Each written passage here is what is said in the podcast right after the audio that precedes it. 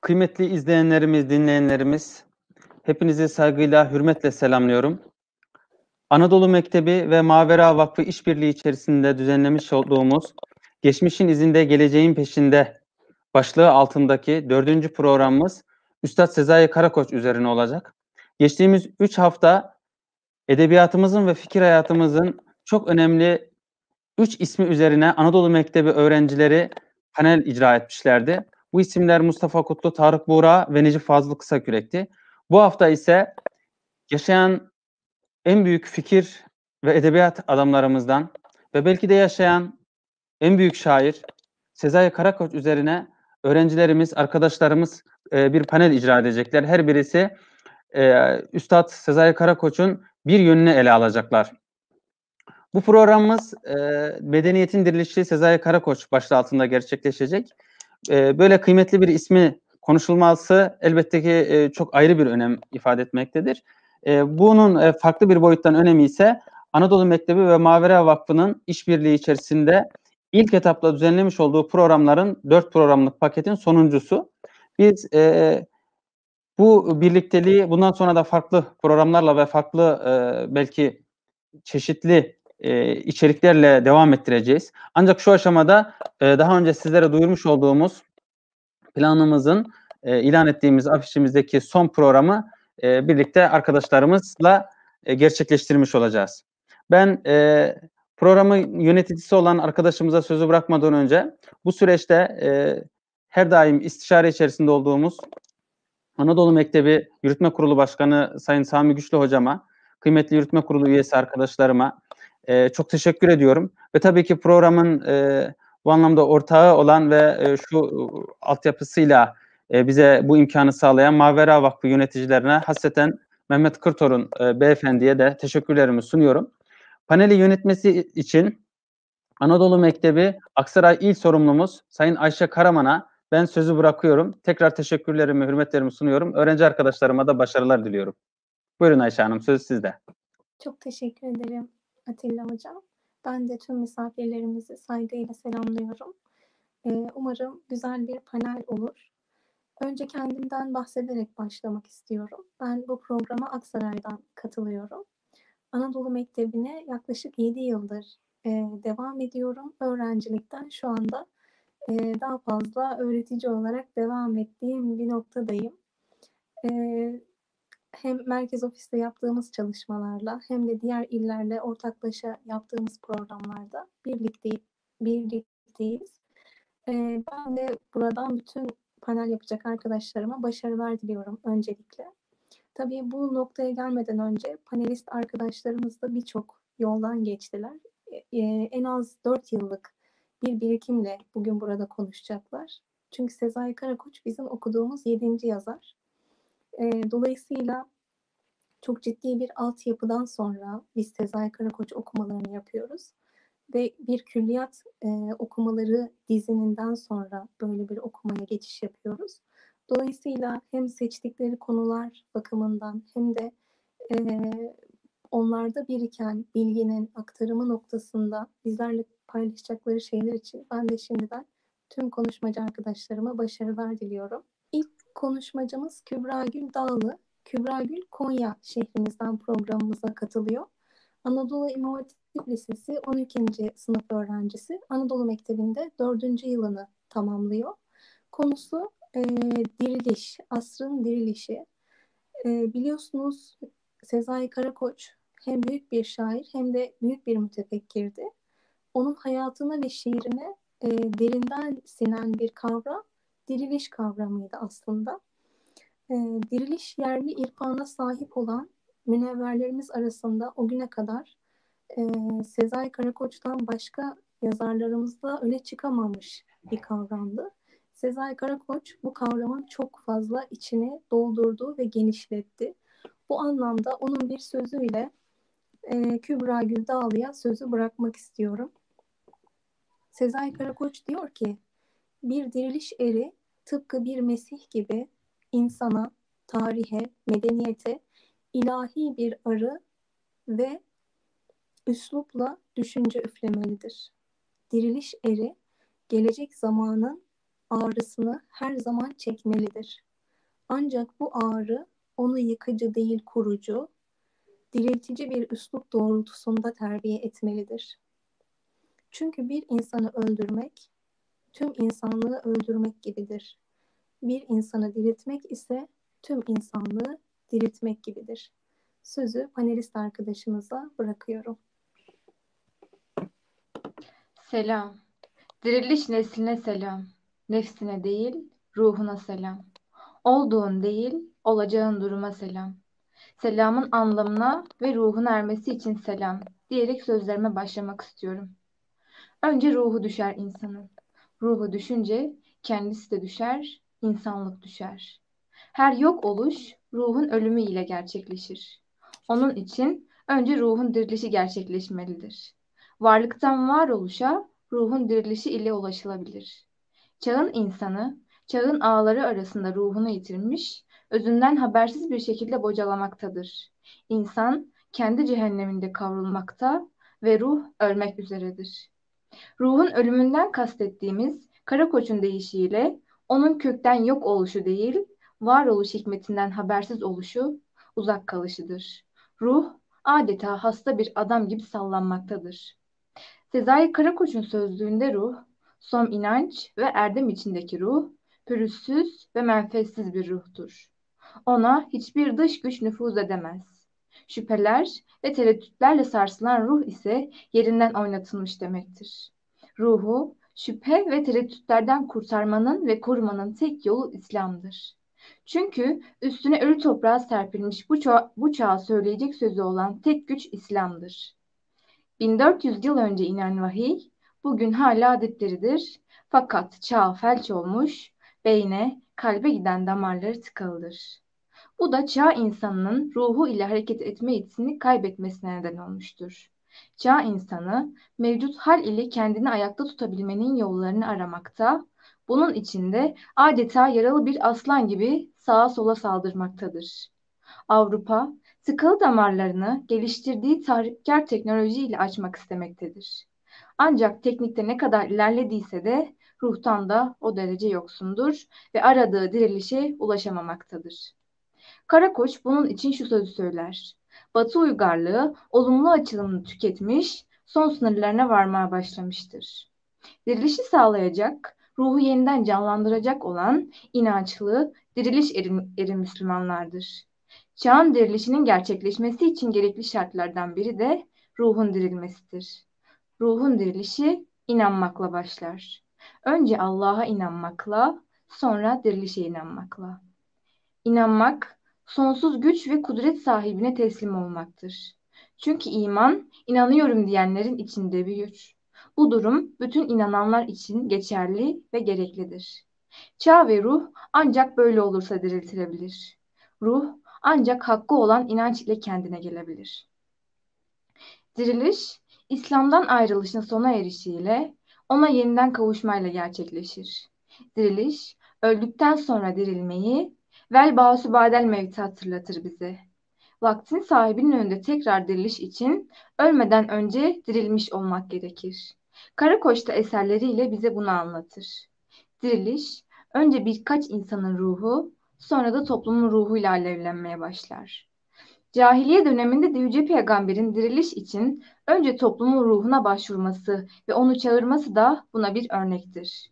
Çünkü diriliş toplumun özüne yapılan bir çağrıdır ve bu çağrı önce kendimizedir. Diriliş çağrısı yalnızca seçenlerindir. Ve bu çağrı, bu çağrı, çağrıyı yalnızca isteyenler kalplerinde hissedebilir. Radikaldir ama salt bir radikalizm değildir. Yeni bir insanın soluyacağı temiz ve sade bir ruh havasıdır.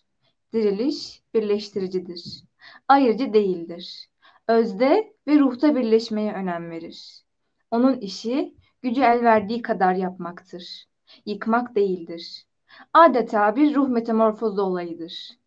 Diriliş ruhun özünde başlar. Ruh insanın aslını diriltir. İnsanoğlunun dirilen aslı asırları diriltir ve beklenen diriliş harekatı tamamlanır. İnsanın ruhu hakikat olmaksızın yaşayamaz, hakikatten uzak kalamaz. Bir bakıma bunalım, ruhun hakikatten uzak kalışı, daha doğrusu uzak kaldığının bilincine, varışından doğar, der Sezai Karakoç. Fıtrat, insanı hakiki olmaya yönlendirir. Hakikati reddeden kimseler bu noksanlıktan dolayı ruhi bir bunalıma sürüklenirler. Karakoç'un da eserlerin birçoğunda söz ettiği gibi insana ışık tutacak ve onu bunalımdan kurtaracak olan yalnızca İslam'dır. Bu şuurdan habersiz kimseler ne yaşamdan verim alabilir ne de huzursuzluk ve bunalımdan kurtulabilirler. Hakikat zannedilen batıl özgürlük değildir. İnsanı ancak Allah özgür kılar. İslam'dan haberi olmayanların özgürlük sandıkları palavralar, batılın boyunlarına geçirdiği bir zincirden başkası değildir. Hakiki özgürlük ise yalnızca İslam'dadır. İnsan gerçek özgürlükten bir haberken dünyanın en görkemli hayatını dahi yaşasa mutlak son bedbaht bir ruh halidir.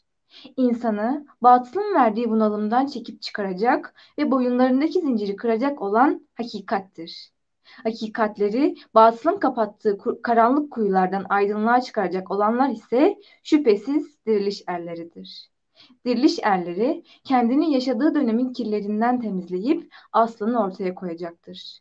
İslam'ı en güzel haliyle yaşayıp bir mum gibi kendini diriliş ateşi ile yaktıktan sonra etrafındaki yok olmaya yüz tutmuş mumları da ateşe vererek çağı aydınlatacak, İslam'ı diriltecektir. Diriliş erinin aslı İslam'dadır. Diriliş erinin aslının dirilişiyle asırlar dirilecek, hakikat kainata hakim olacaktır. Ka Karakoç'a göre büyük büyük hareketleri, büyük medeniyet açılımlarını büyük ruhlar, kahraman ruhlar, geniş ruhlar, cömert ruhlar yapar. Küçük, dar, korkak, alçak ve pinti ruhlarsa en kutlu mirası bile eritip, çürütüp yok edebilirler. Diriliş eri İslam'ı öyle sağ ve diri yaşayacaktır ki onu öldürmeye gelen onda dirilecektir. Diriliş erinin kahraman ruhu batı uygarlığının tükenmiş ve dar görüşlü ruhunu insanlığın üzerinden söküp atacak ve en kutlu mirasımız olan İslam'ı bu ruh eritip yok etmeden en yüksek mertebelere yeniden ulaştıracaktır. Sözlerimi diriliş erlerine seslenerek bitirmek istiyorum bir su gibi temiz olan ve batılın kirini de temizleyen İslam'ın değerleri yine batılın elinde bir kazana atılmış cayır cayır kaynıyor. İslam şuuru kaybolmadan bu ateşi söndür, küllerinde kendine bir ders bul ve diril. Zaman, mekan ve mevcudiyetini sürdüren bütün canlılık bu mutlak sonu beklemekte. Diril, yaşa ve yaşat. Dinlediğiniz için teşekkür ederim. Dağıl arkadaşımıza çok teşekkür ediyoruz. Kendisi bizlere diriliş kavramından bahsetti. Önce ruhta başlayan ve daha sonrasında toplumda bunun açılımlarını nasıl görebileceğimizden söz etti. Şimdi ikinci konuşmacımıza geçmek istiyorum. Zülal Zeynep Bişkin. Kendisi Aksaray'dan katılıyor. Şu an Erzurum Atatürk Üniversitesi Hukuk Fakültesi birinci sınıf öğrencisi. Yaklaşık 4 yıldan bu yana Anadolu Mektebi'nde devam ediyor. Konusu Sezai Karakoç'un etkilendiği düşünürler. Biliyorsunuz her şair ve düşünür gibi Sezai Karakoç'un da etkilendiği şair ve yazarlar olmuştur. Hem Türk Edebiyatı'ndan hem Dünya Edebiyatı'ndan e, olmuştur bu isimler. Cemal Süreyya'nın bir sözü var. E, Sezai Karakoç için bulgucu adam diyordu. E, ve şu sözleri beni çok etkilemişti. Mehmet Akif ile Necip Fazıl'ı iç içe geçirin. Bir Sezai Karakoç portresi elde edersiniz demişti. İkisinin de tevarüs ettiği bir isim olarak görmüştü Sezai Karakoç'u. Ve yine bir yazısında öyle bir mütefekkir ki Marx bilir, Nietzsche bilir, Rimbaud bilir, e, sever ve okur diye bahsetmişti. E, dilerseniz yazımızın, e, konumuzun devamını Zülal arkadaşımızdan dinleyelim.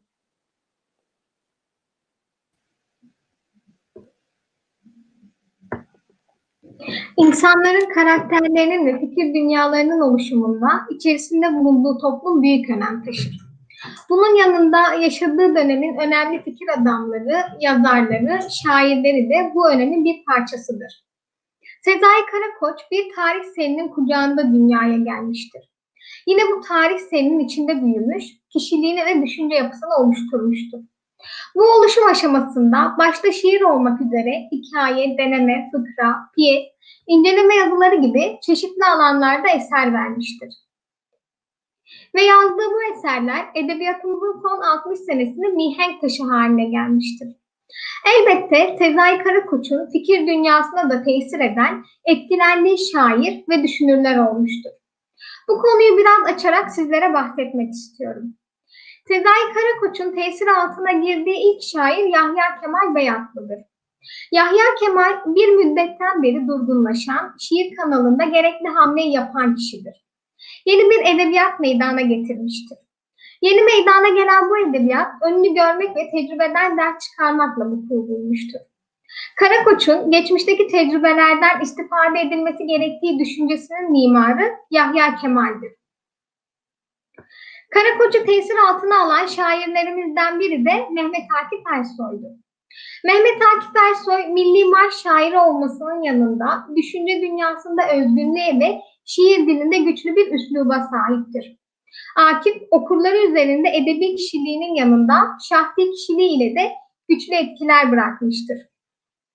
Akif'in Türklük ve İslamiyet'i ele alış tarzı ve eserlerinde bu değerler etrafında şekillenen dünya görüşünün yansımaları sadece Anadolu'da değil, ortak değerleri Türklük ve İslamiyet olan diğer sahalarda da dikkat çekmiş, kendisine takipçi toplamıştır.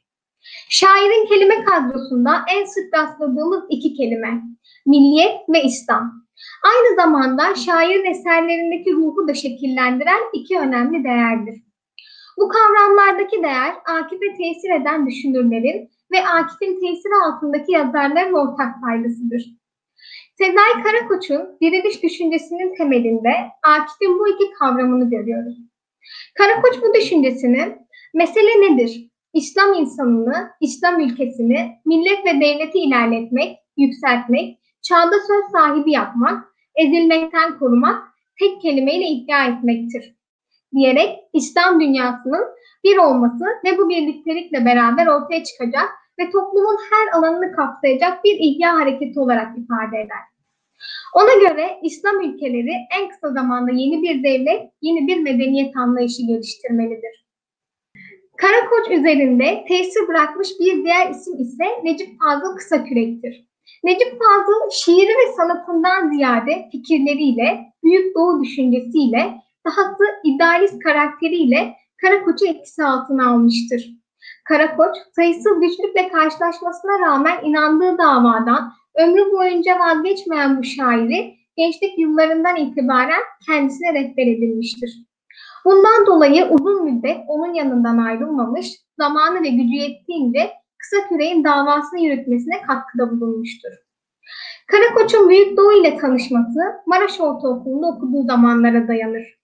Gördüğü afişle birlikte Büyük Doğu'nun varlığından haberdar olan Karakoç, zamanla ilgili bir Büyük Doğu okuru olur. Karakoç bütün bu yaptığı okumalar sonucunda tarifi mümkün olmayan hayret ve sevinci bir arada yaşar. Öncelikle bu dergi onun aşina olduğu, hepsi bir örnek kitap, gazete ve dergilerden oldukça farklı bir kulvarda durmaktadır. Hem politik hem sosyal açıdan kişiler ve kurumlar üzerinde hissedilebilir bir baskı oluşturulduğu, insanların inancını dile getirmeye çekindiği, ezanın Türkçe okunduğu kritik bir zaman diliminde Büyük Doğu, İslam'ı cesur bir şekilde savunmaktan çekinmemektedir. Egemen güçlerle uzun soluklu çatışmalara girmeyi göze alan dergide yer alan yazılarda İslami bir duyarlılık dikkat çeker. Üstelik bunu İstanbul'da yaşayan, Fransızca bilen, çağdaş bir üslubu benimseyen entelektüel Necip Fazıl Kısakürek başarmaktadır. Büyük Doğu'da dile getirilen fikirler henüz gençlik çağındaki Karakoç'un kalbinde umut tohumları yeşertir. Ona güç verir. Zamanla Büyük Doğu yavaş yavaş Karakoç'un bakış açısını şekillendirmeye başlar. Bir süre sonra Karakoç kültür ve medeniyet meselelerine kısa küreğin perspektifinden yaklaşmaya başlar. Ünlü şair ismiyle özdeşleşen Büyük Doğu, Karakoç'un gözünde İslam'a dayanan yeni bir ideolojinin organıdır. Elbette Karakoç fikir dünyasını yalnızca milli şuur ve İslam düşüncesiyle beslememiş, Sartre, Sartre'ın inançsızlığından yola çıkarak inanca giden yolu keşfetmiş. Albert Camus'un yabancısından yola çıkarak insanın iç dünyasında yolculuğa çıkmış ve tüm bunlardan beslenerek kendi dünyasının önemli bir şahsiyeti olmuştur. Beni dinlediğiniz için teşekkür ederim.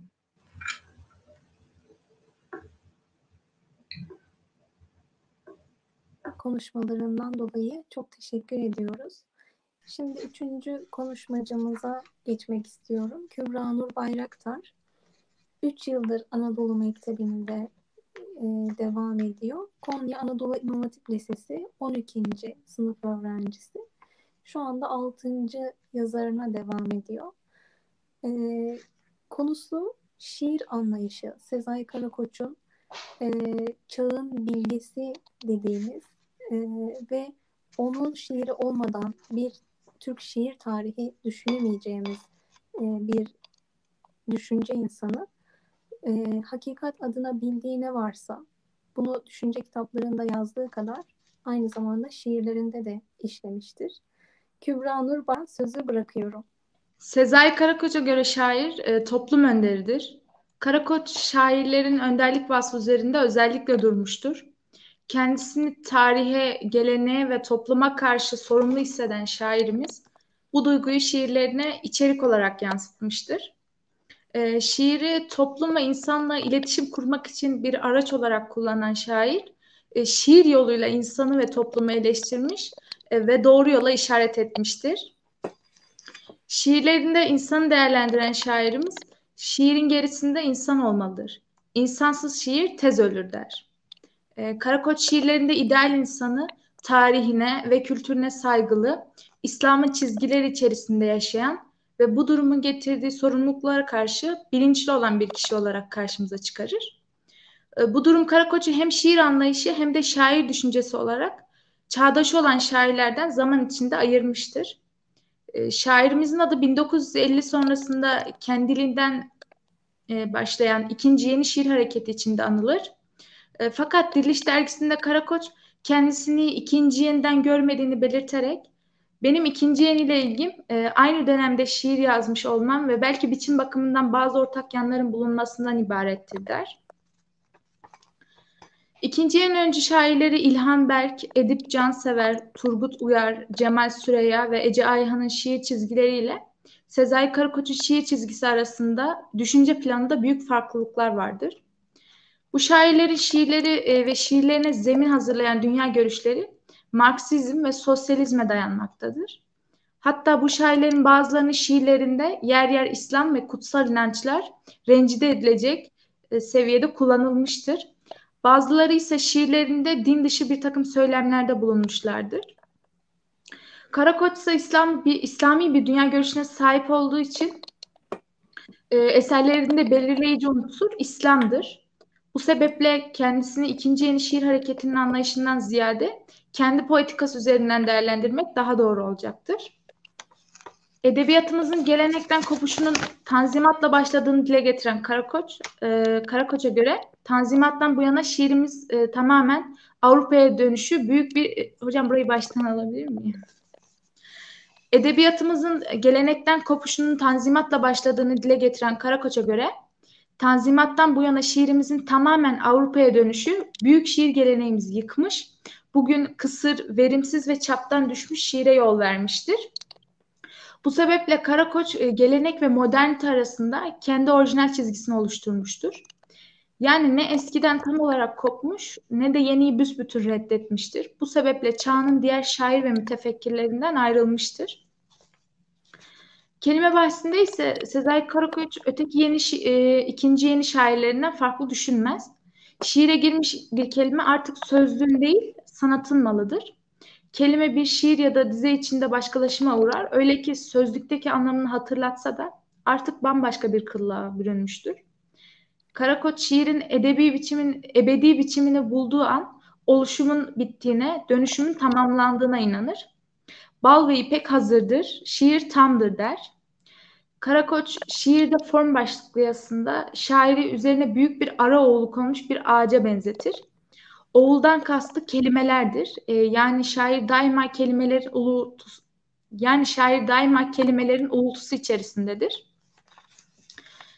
Yine aynı başlıklı yazıda Karakoç şiirin biri şiirdir. Onu biçim ve muhteva diye ikiye ayırmak sadece poetika da olabilir. Yoksa biçim ve özü şiirden ayrı ayrı çıkarmak e, mümkün değildir.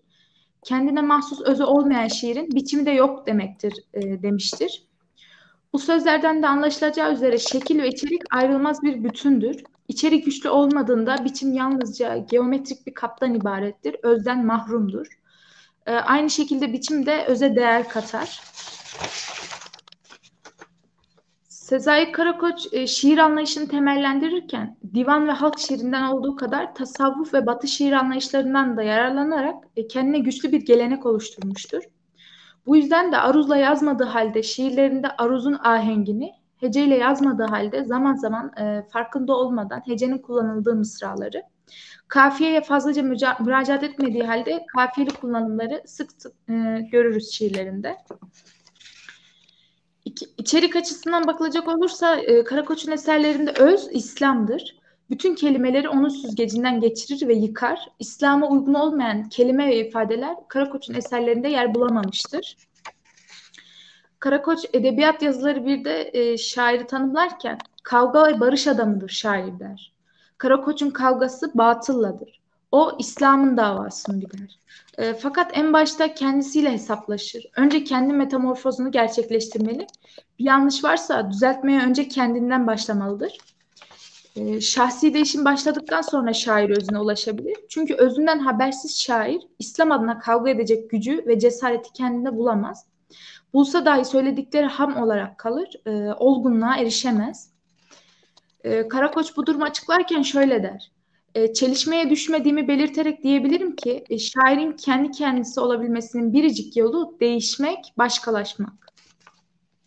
Şair kendi hesaplaşmasını yaparken bütün samimiyetini ortaya koyar ve kendisiyle yüzleşmekten korkmaz.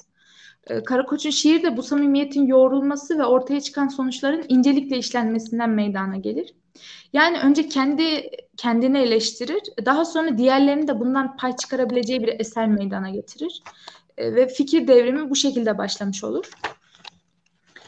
E, Karakoç'un şiiri e, fikir devriminin önemli bir silahıdır. O bir mütefekkir olarak düşünce üzerinde yoğunlaşır. E, şiirini ortaya koyarken kelimeyi bir tohum misali önce toprağa yani zihnine eker. Ardından filizlenmesi ve onu ah, e, filizlenmesi için onu ahlakla sular ve o tohum fikirle büyüyüp yeşerir. Neticede elde edilen meyve ise şiirin ta kendisidir. Bu olay şiire bir ruh kazandırır. Karakoç bu durumu öyle bir titizlikle ifade etmiştir ki alınan meyve çürümez hatta gün geçtikçe daha da olgunlaşır. Karakoç e, Karakoç'un biz gençler üzerinde büyük bir etki bırakması ve eserleri üzerinde bu denli yoğun bir ilginin olmasında e, bu titizliğinin de önemli bir rolü vardır. E, Karakoç'un insan hakikatinin kalbi diyerek nitelendirdiği şiir onun penceresinde gelenek ve vahyin ışığında şekillenmiştir. O eserleriyle İslam'ı yüceltir. Şiirlerinde kimi zaman bir çocuğun hüznü hissedilir, kimi zaman bir masal gibi doğu ve batı arasındaki ilişki eleştirilir. Bu yüzden Karakoç'un şiirlerini tek yönlü düşünmek mümkün değildir. O kelimelerin ardına gerçeküstü soyutlamalarla mana yükler ve metafizik bir düşünce ortaya koyar. Sezai Karakoç diriliş odaklı bir şiir arzular. Bu noktada diriliş, geçmişin ve kültürün İslam uygarlığı altında yeniden şekillenmesi ve bu şekillenmenin de fikir ve estetikle desteklenmesidir. Sezai Karakoç genel olarak hem düz yazılarında hem de şiirlerinde şairi Müslüman şairlerin birçoğunun cüret edemediği yüce bir mertebeye yerleştirir. Ee, kendisine ferdi anlamda manevi bir mesuliyet yükler ve bilgeliğin verdiği hakikati kabullenir. Diriliş nesline başta şiiri olmak üzere sanatıyla seslenen Karakoç bir fikir devriminin önderliğini yapmıştır. İslam uygarlığı bu devrimin getireceği yeniden doğuşa ve dirilişe gebedir. Şairimizin ektiği bu tohumu sulamak ve oluşan fidanı büyüterek yeşertmek gelecek olan neslinde sorumluluğundadır. Teşekkür ediyorum. Kübra Bayraktar'a konuşmalarından dolayı teşekkür ediyoruz. Dördüncü konuşmacımız Beyza Albayrak. Beyza Necmettin Erbakan Üniversitesi Sosyal Hizmetler Bölümünde dördüncü sınıf öğrencisi.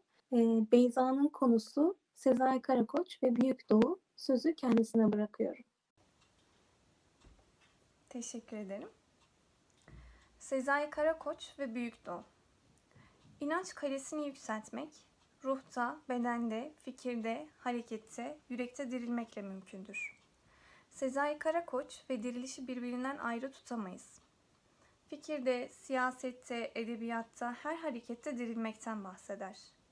Dirilmek, batılılaşmaya paydos demek, batı ütopyalarına set çekip özüne dönmeyi arzulayan bir değişimdir. Devrimin de ötesindedir. Dirilişi gerçekleştirecek erlerin evvel kendilerinin dirilmesi gerektiği aşikardır. İslam'ın yücelik ideasını yeniden diriltecektir bu er. Tarihi yeniden yorumlayıp, gerçeği göz ardı etmeden hakikatten sapmayandır. Peki bu kavgaya niçin katılacağız? Sezai Karakoç bunu diriliş neslinin amentüsünde cevaplar. Ebedi barış için. İdealsiz yaşanmayacağını biliriz. Yönsüz yol almaz bir gemi. Rota bilmeden açık sulara inmez. Diriliş erinin yolu nedir? Çabası neyedir? Sezai Karakoç sütunda Büyük Doğu başlığının altında şöyle seslenir. Ne mutlu kendini bir ideali adamış olanlara. Sezai Karakoç'un içinde yetiştiği, öncüsü Necip Fazıl'ın olduğu Büyük Doğu hareketi istikametlerinden biri olduğu yatsınamaz bir gerçektir. Doğusun Büyük Doğu benden doğarak söylemi aslında Sezai Karakoç'un aksiyonun çıkış noktasıdır diyebiliriz. Varış noktası da budur. Topraktan gelip toprağa dönmek gibi. Allah'tan gelip ona döneceğimiz gibi. İslam'ı bir hareket olan Büyük Doğu, milli karakterini Türk vatanının dışında herhangi bir coğrafya planını kucaklamıyor sözü belirliyor. Adını bu hareketten alan Büyük Doğu dergisinde ise Sezai Karakoç'un yazılarını görürüz. Bununla ilgili hatıralarından Diriliş dergisinde şöyle bahseder. Necip Fazıl Bey haftada bir 2-3 sayfa büyüklüğündeki edebiyat sanat bölümünü benim hazırlamamı istemişti. Ayrıca bizimkiler başlığı taşıyan bir fıkra yazıyordum her gün. Burada günlük gazetelerin eleştirisini yapıyordum. O günün tanınmış gazetelerinin klişeleri de görülen yazıda daha çok başyazıları eleştiriyordum. Üstad imza olarak tahlilci kelimesini seçmişti. Çünkü demişti senin yazılarında hep bir tahlil var. Bir yandan edebiyat sayfasını hazırlarken bir taraftan da fıkramı yazıyordum. Öte yandan gazetede o anda ne gibi bir eksiklik varsa onu tamamlamaya koşuyordum. Öğle tatilinde ve akşam daireden sonra gazeteye koşuyordum. Gece saat 9'lara kadar ne iş varsa yapmaya çalışıyordum. Meslekten gazeteci olup bu kez piyasadan Büyük Doğu'ya transfer edilmiş olanlar benim durumumu bir türlü anlayamıyorlardı. Gazetede kadrolu personel değilim. Para almadığımı da herhalde biliyorlardı. Her gereken işe el atmama da şaşırıyorlardı. Onların gözünde belki de bir muammaydım. Necip Fazıl'ın bir diyosu gibi görünüyordum. Ama çok gençtim. Bir menfaatim de olmadığına göre neden koşturup duruyordum? Bunu akıl erdiremiyorlardı. Bir insanın ideali için elinden gelen çabayı göstermesi diye bir hadiseden haberleri yok gibiydi. Sezai Karakoç için Necip Fazıl'ın yeri her zaman ayrı olmuştur. Necip Fazıl'ın fikri dünyası, çıkardığı dergiler, edebiyat anlayışı. Sezai Karakoç için her zaman bir rehber mahiyetinde olmuştur. Bu sebepledir ki Sezai Karakoç'un hayatında Necip Fazıl her zaman için apayrı bir yerde durur. Onların arasında belki de hiç kimsenin kolay kolay anlayamayacağı bir gönül bağı olduğu gerçektir.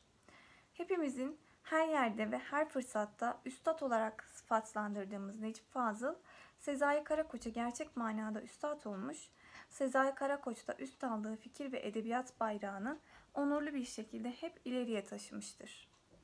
Büyük Doğu ve diriliş fikirlerinde çok ciddi benzerlik, benzerlik bulmak mümkündür ve bu çok doğaldır.